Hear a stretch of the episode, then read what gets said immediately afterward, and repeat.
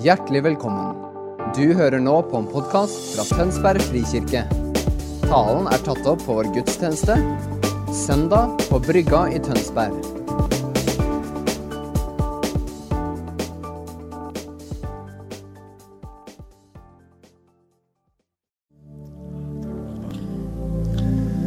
Takk, Jesus. Takk, Jesus, at du er midt iblant oss. Du er kongen som er sammen med oss, som er for oss, som løfter oss opp. Takk at vi får lov å tilhøre deg. Det fins ingen bedre steder enn å være sammen med deg, Jesus. Takk at du har gjort det mulig, Jesus, å være sammen med pappa Gud igjen. Å være sønner og døtre som vi var skapt til å være. Tusen takk, Jesus.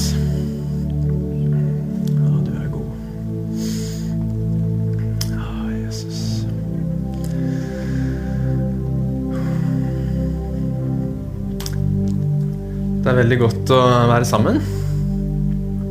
Det må jeg si. Ehm, det er det. Veldig, veldig godt. Tusen takk, Hånd, for fantastisk lovsang. Jeg er blant de som syns det er veldig godt å ha deg tilbake her oppe. Jeg føler at du er der du hører hjemme. Veldig, veldig bra. Og jeg håper at uh, din historie kan bli en sånn historie som gjør at uh, flere andre også finner tilbake til der de hører hjemme. Det er veldig godt å være sammen. Jeg er i en sånn fase av livet hvor jeg veldig ofte ikke får vært her inne, men jeg er oftere der oppe, der vi har kids, sammen med, med barna mine. Og det er, oppleves veldig givende og viktig. Eh, Men det er også ganger, veldig godt de gangene vi får, vi får vært her. Eh, og det er som sagt ikke så ofte, så jeg er også veldig takknemlig for ungdomsarbeidet vårt FRIK, for de har kveldsmøter. Eh, så, så Birgitte og jeg vi prøver å være litt på FRIK. Eh, Vi prøver å være der en gang i måneden hver.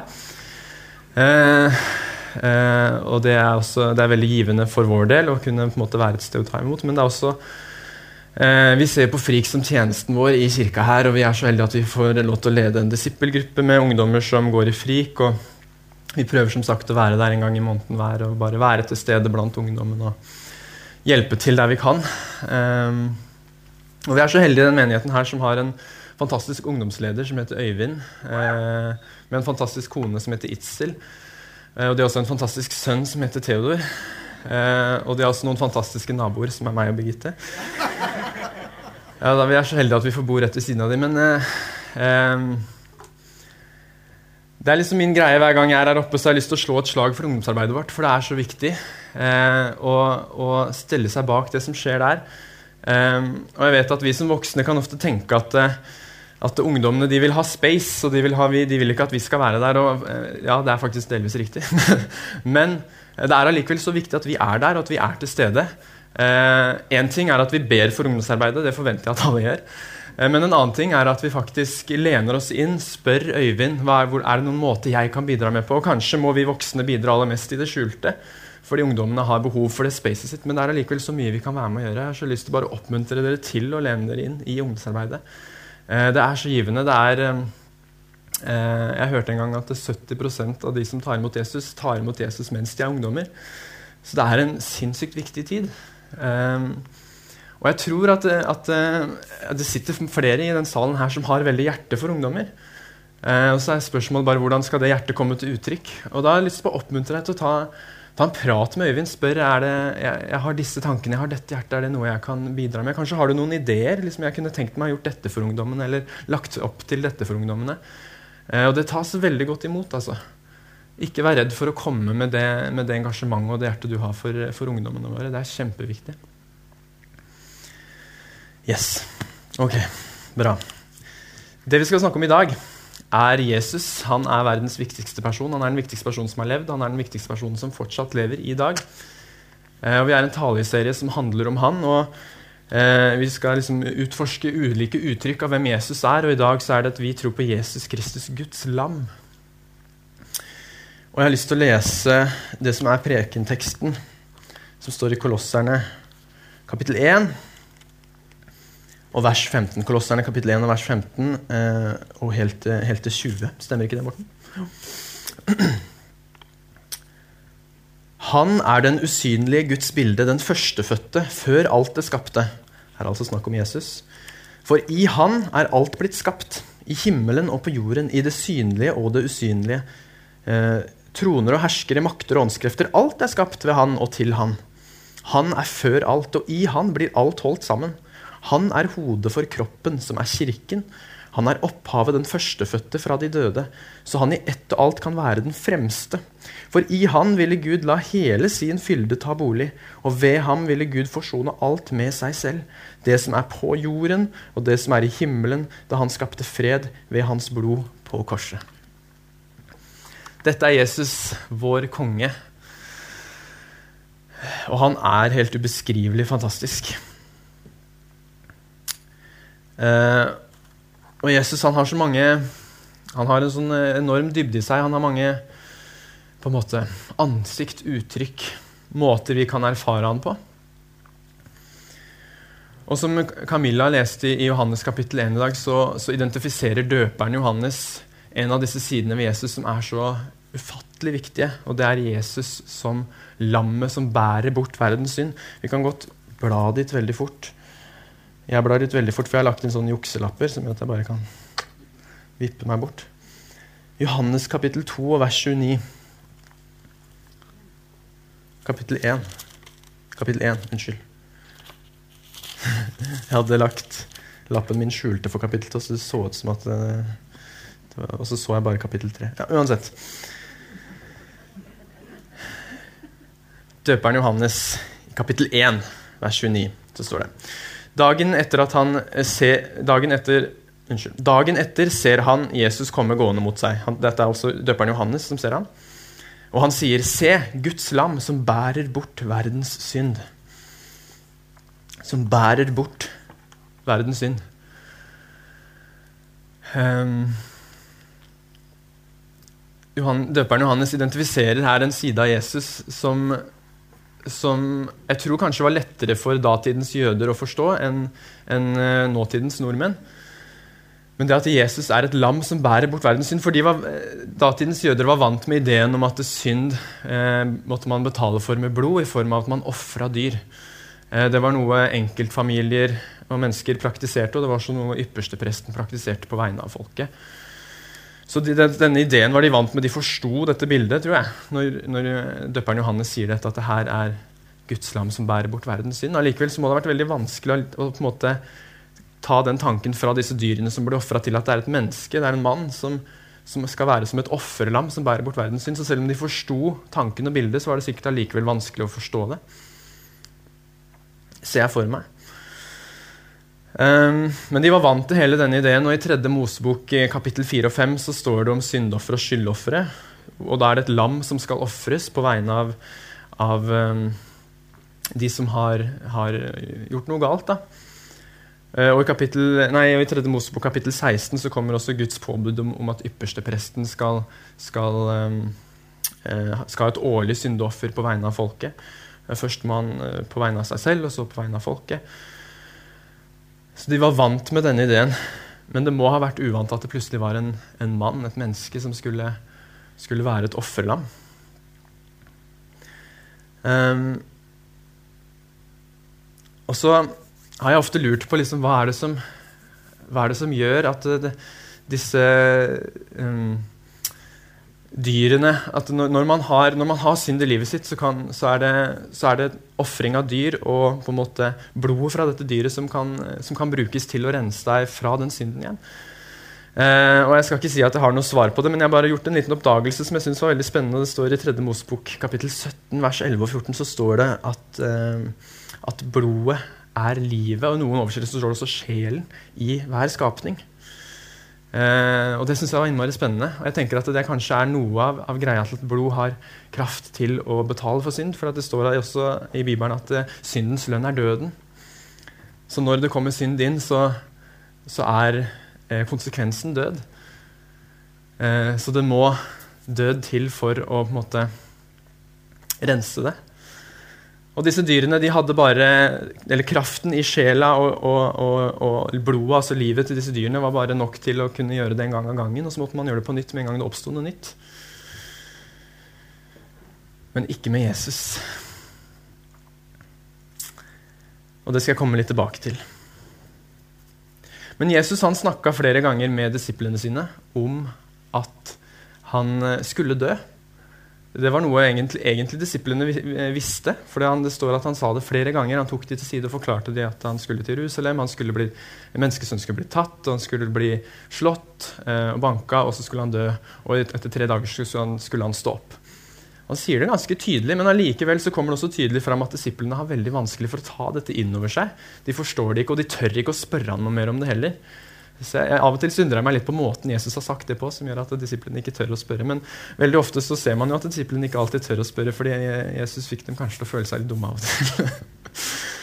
men, men, de tør ikke å spørre om det her, og de, de, forstår ikke, og de vil nok ikke ta inn over seg at han skal dø, for de er blitt så glad i han her. ikke sant? Det er jo han som på en måte har tatt noen fiskere og, og, og, vanlige håndverkere og gjort at de har fått troa på at de kan være med på noe stort og være med å forme, forme Israel for det første, og kanskje til og med verdenshistorien.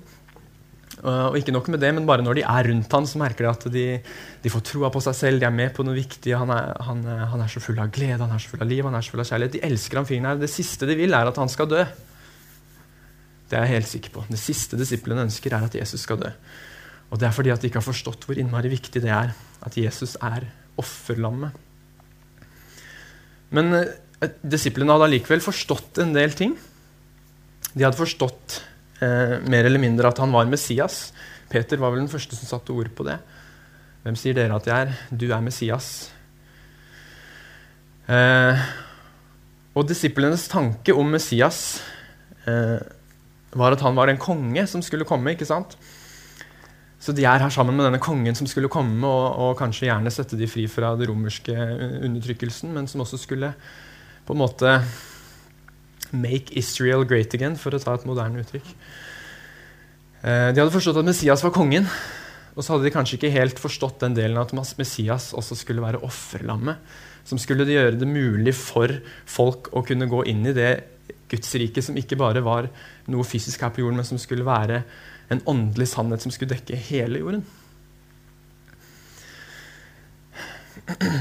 Det var det vanskelig for dem å forstå. Enda det var profetert flere steder i Gamle Testamentet, bl.a. i Jesaja. Hvis vi går til Jesaja kapittel 53, så finner vi det som kanskje er den, det vakreste måte, profetiske bildet, eller profetiske ordet om, om Jesus sitt offer på korset. Og Jeg skal ikke lese hele kapittelen, jeg har bare valgt ut noen vers her. Eh, kapittel 53, vers 4 til, eh, til 9.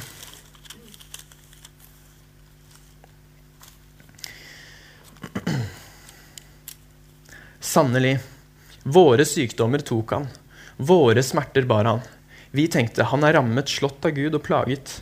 Men han ble såret for våre lovbrudd, knust for våre synder. Straffen lå på han. Vi fikk fred. Ved hans sår ble vi helbredet. Vi gikk oss alle vill som sauer, hver tok sin egen vei. Men skylden som vi alle hadde, lot Herren ramme han.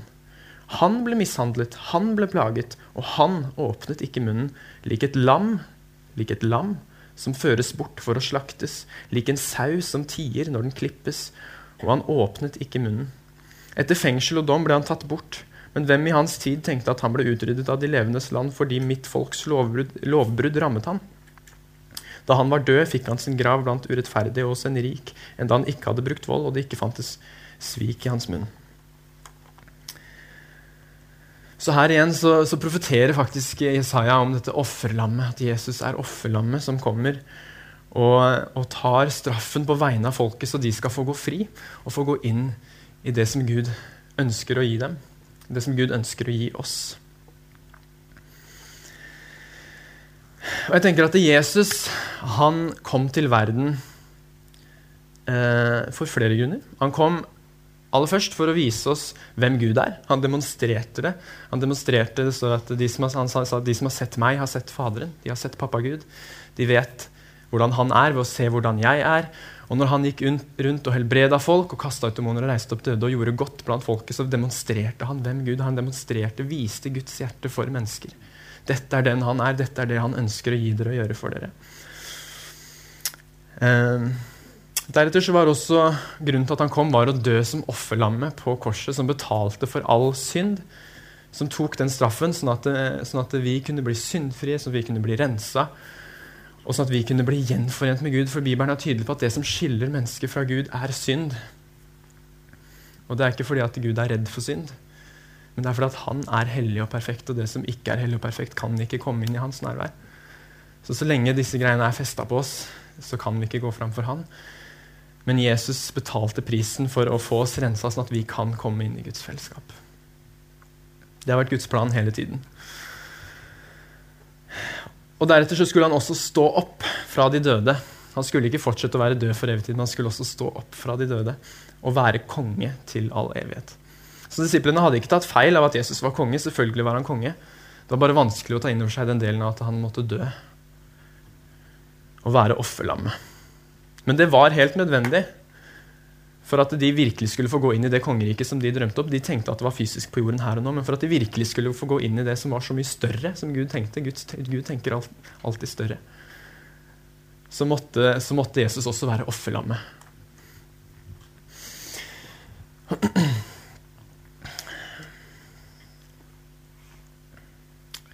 Jesus er det perfekte offerlammet. Og, og, som sagt så visste jødene at dyr kunne brukes til å eh, Ofring av dyr kunne brukes til å, å, å, skape en midlertidig forsoning for synd. Men Jesus er det offerlammet som forsoner all synd til all eh, tid.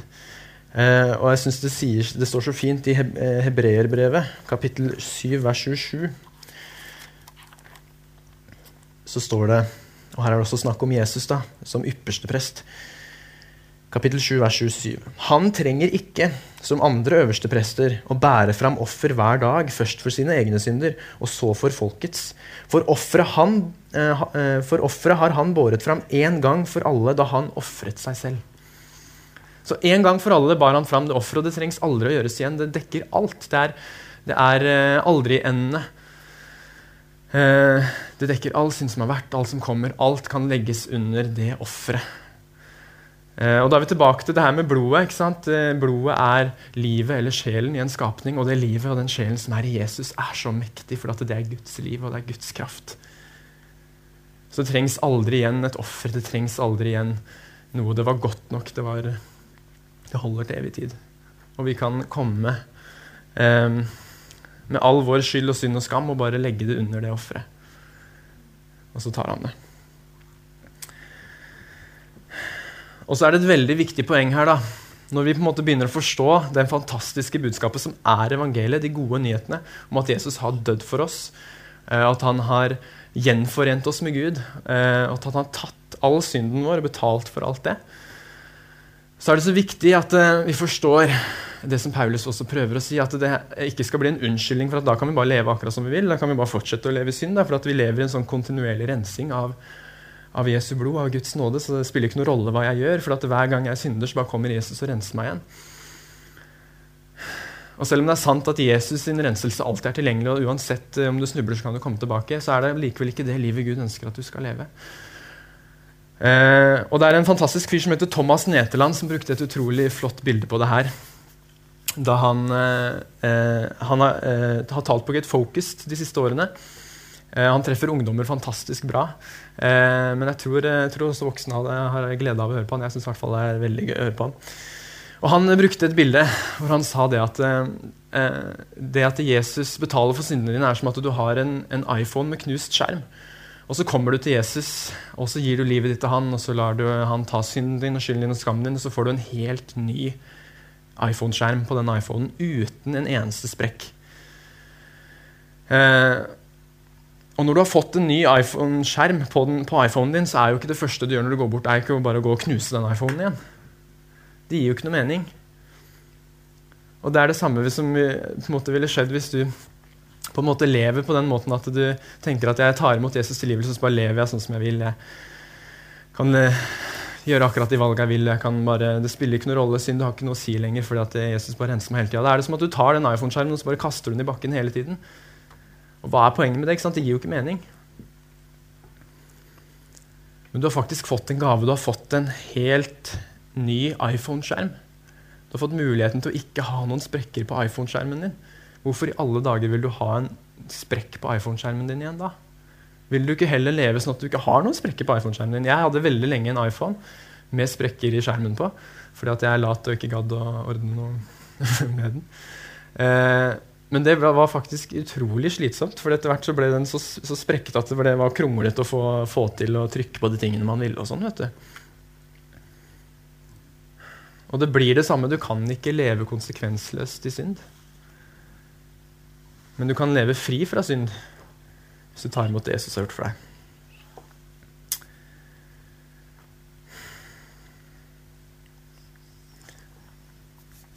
Gud er så god. Og det, det blir så dumt når, når, Gud gir oss verdens beste gave, og så skal vi bare ta så lett på det og ta det for gitt og på en måte kaste den iPhonen i bakken og få knust skjerm hele tiden. Eller for å bruke et annet bilde du sier at du har skutt deg selv i foten, eller noen har skutt deg i foten, og så går du til legen, og så fikser han foten din igjen. Og så vet du at jeg kan komme til legen så mange ganger jeg vil. Han kommer til å fikse foten min hver gang, så jeg går og skyter meg selv i foten en gang til. Det blir jo helt meningsløst. Ja, Jesus fikser foten din hver eneste gang, men han vil jo ikke at du skal leve et liv med, med hull i foten hele tida. Det er ikke det han har kalt deg til. Det er ikke det som er hans plan for ditt liv. Han vil at du skal ta imot den gaven du har fått av ham når han fikser foten din, så at du kan gå på begge beina og leve et liv som er så mye bedre.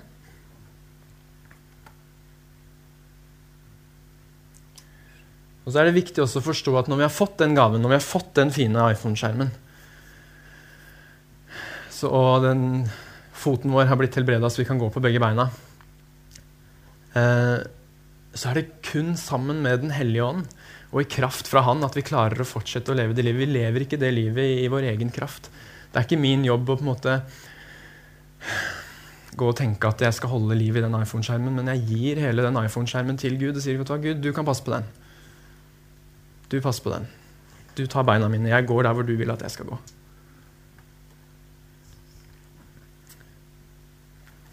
Og da, bare da kan vi leve det livet. Med en gang vi tenker at yes, jeg har fått en ny iPhone-skjerm, og nå skal jeg gjøre det beste jeg kan med den iPhone-skjermen. Jeg skal, jeg skal passe på å bruke mine egne kraft og mine egne evner til å gjøre dette bra så blir du utslitt og du blir sliten, og så snubler du sikkert og feiler. Men med en gang du gir den til han og legger den i hans hender og sier bare 'Pappa, jeg er din', må din agenda bli min agenda, så blir det livet for det første mulig å leve, og for det andre så blir det mye mer spennende. Blir mye mer levende.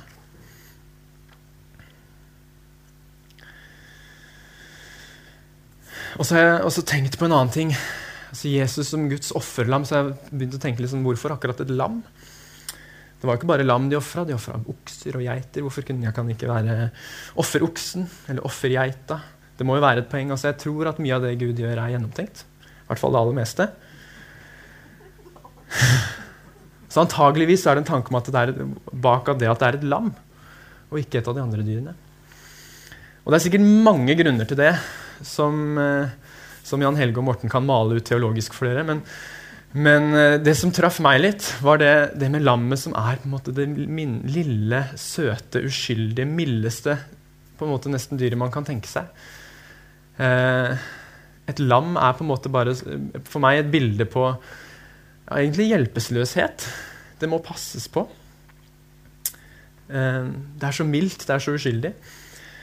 Og så blir det så sterkt for meg da når vår store, mektige Gud, som er større enn alt og alle som skapte alt, velger å bli dette minste, uskyldige, hjelpeløse. For vår skyld. Altså det, det sier noe om hvem Gud er, på en sånn måte at det blir helt sånn ubeskrivelig. For han har både den siden at han er brutalt stor og mektig. Så hvis vi, hvis vi egentlig klarte å ta det innover oss, så ville det vært skremmende. Samtidig som han er den mildeste han er mild og ydmyk av hjerte, som Jesus sier. Den som kommer lavt løfter oss opp.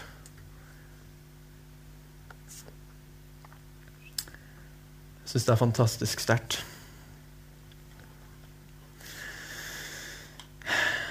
Og så har jeg lyst til å avslutte med en, med en liten fortelling. Eller et lite vitnesbyrd. En, en, opplevelse jeg hadde en gang. Um, og Jeg husker ikke akkurat settingen jeg var i. Jeg var i en eller annen lovsangsetting. om Det var at jeg, og jeg, det var mens jeg bodde i USA, gikk på bibelskole der. Jeg husker, jeg husker, ikke om det var at jeg var i lovsangsstund med skolen, eller om jeg var i bønnehuset, eller om jeg var hjemme og hadde på lovsang hjemme. Men jeg var i en eller annen lovsangssetting. Eh, og så husker jeg at eh, måte, situasjonen i hjertet mitt var litt sånn at jeg følte meg litt tung. Jeg følte meg litt sånn at ja, Litt sånn distansert fra Gud, kanskje. Eh, et, et, på en måte kanskje en litt sånn frykt for at det, eh, ja, At han mista Gud litt. At han på en måte hadde gått av gårde og jeg ikke hadde klart å følge etter. Eh, og Midt oppi den følelsen her, det at jeg prøvde å lene meg inn i lovsangen og lene meg inn i Guds hjerte, så får jeg en setning som, uh, som bare måte detter ned i hodet på meg. Eh, og Gud sier, 'Halvor, jeg slutta aldri å dø for deg'. Og Det syns jeg er fryktelig merkelig, fordi at Jesus har dødd en gang for alle. det vet jeg. Han trenger aldri å dø igjen. Men han sier allikevel til meg at han slutta aldri å dø for meg. Og så forstår jeg at den hjerteholdningen som lå bak det Jesus gjorde på korset, den hjerteholdningen som gjorde at han, den kjærligheten egentlig som gjorde at han gikk i døden for oss, tok straffen, ble piska og slått og ydmyka på det groveste og hengt på kors, som er den, kanskje den verste døden som gikk an på den tida. Langsomt og torturerende. Hjerteholdningen og kjærligheten som lå bak den, handlinga der, den forsvant aldri. Den er der fortsatt. Den er er på en måte kjernen i Guds hjerte. Den er fortsatt drivkraften hans. Han sa på mange måter at, det, at det, hvis, hvis, det hadde vært nødvendig at jeg døde igjen, så hadde jeg gjort det. Men det er ikke det. Det Jesus gjorde på korset, eh, var godt nok for all tid. Gjelder, han trenger aldri å dø igjen. Men det ble så sterkt for meg å forstå at den hjerteholdningen som lå bak den handlingen, den bor i han til enhver tid. Det er drivkraften hans. Det er sånn han ser oss. Jeg er alltid villig til å dø for deg. Jeg har alltid vært villig til å dø for deg. Jeg kommer alltid til å være villig til å dø for deg. Jeg har dødd for deg. Jeg trenger ikke gjøre det, men hvis jeg måtte, så hadde jeg gjort det.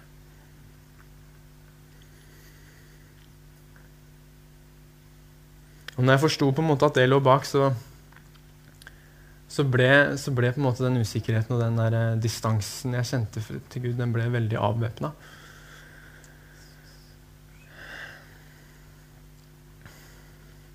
Jesus er offerlammet som bærer bort verdens synd.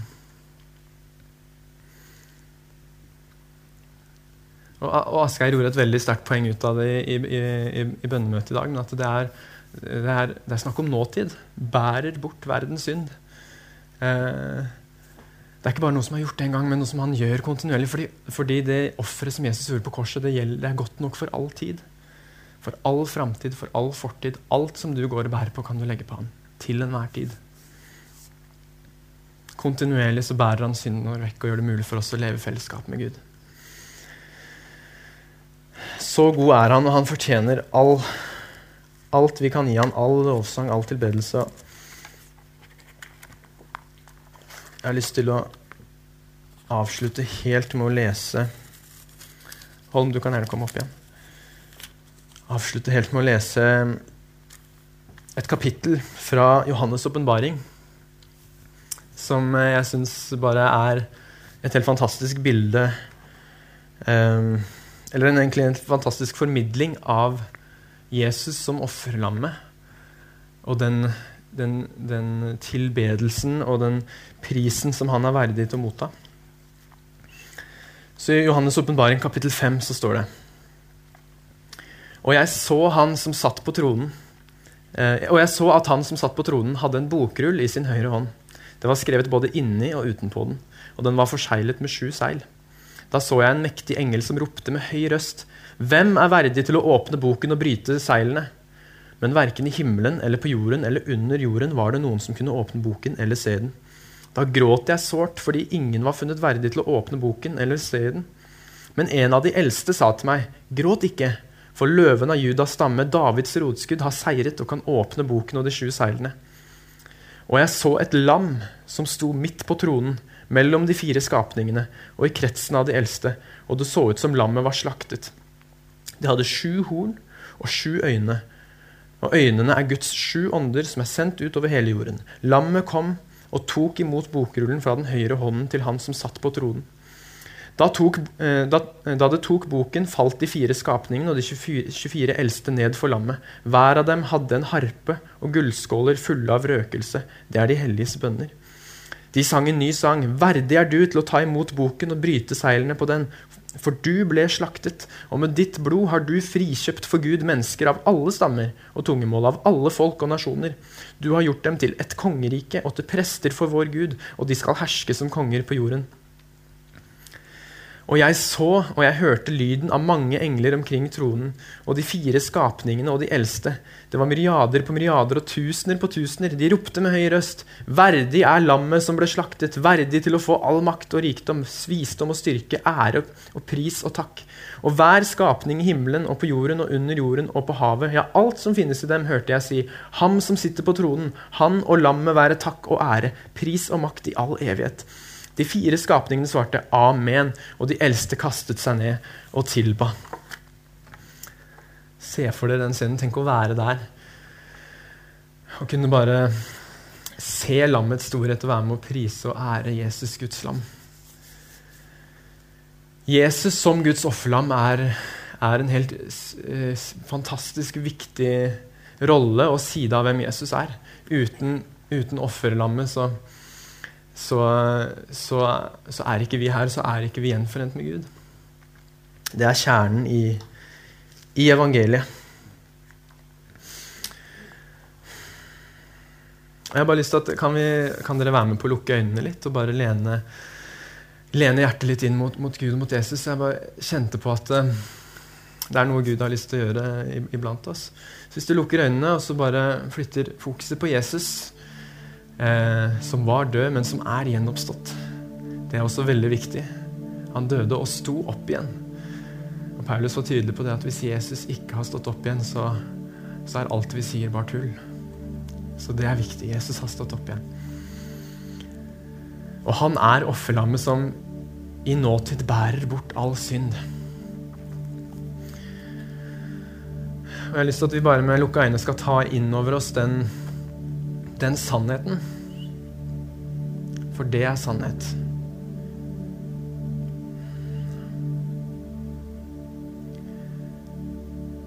Og kanskje også så minner Den hellige ånd oss på noen ting som vi, må, som vi må gi til Han, som vi må legge bort til Han, som Han kan bære bort i livene våre.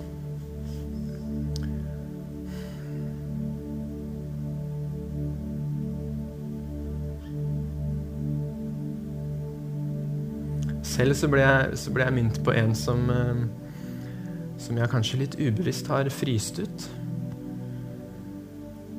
Jeg bare gir det til deg, Jesus. Tilgi meg for det.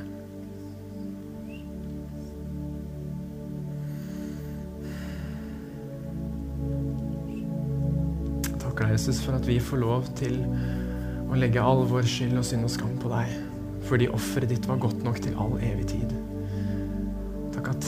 At for kraften i ditt blod, som er så mye større enn vi klarer å forstå og fatte.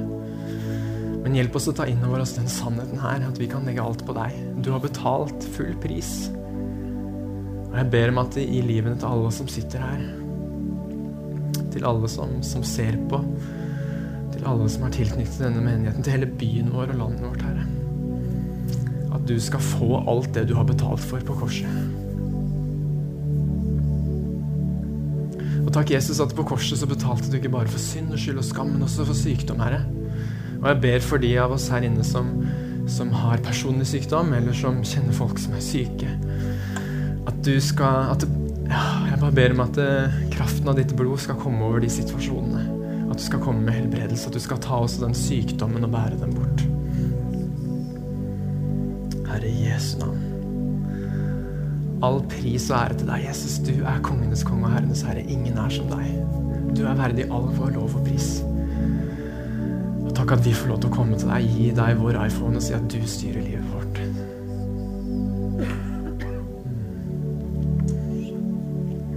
Amen.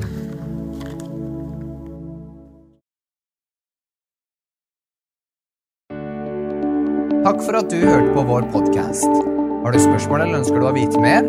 Søk oss på vår nettside tonsbergfrikirke.no. Du er også velkommen til kirke på Brygga i Tønsberg.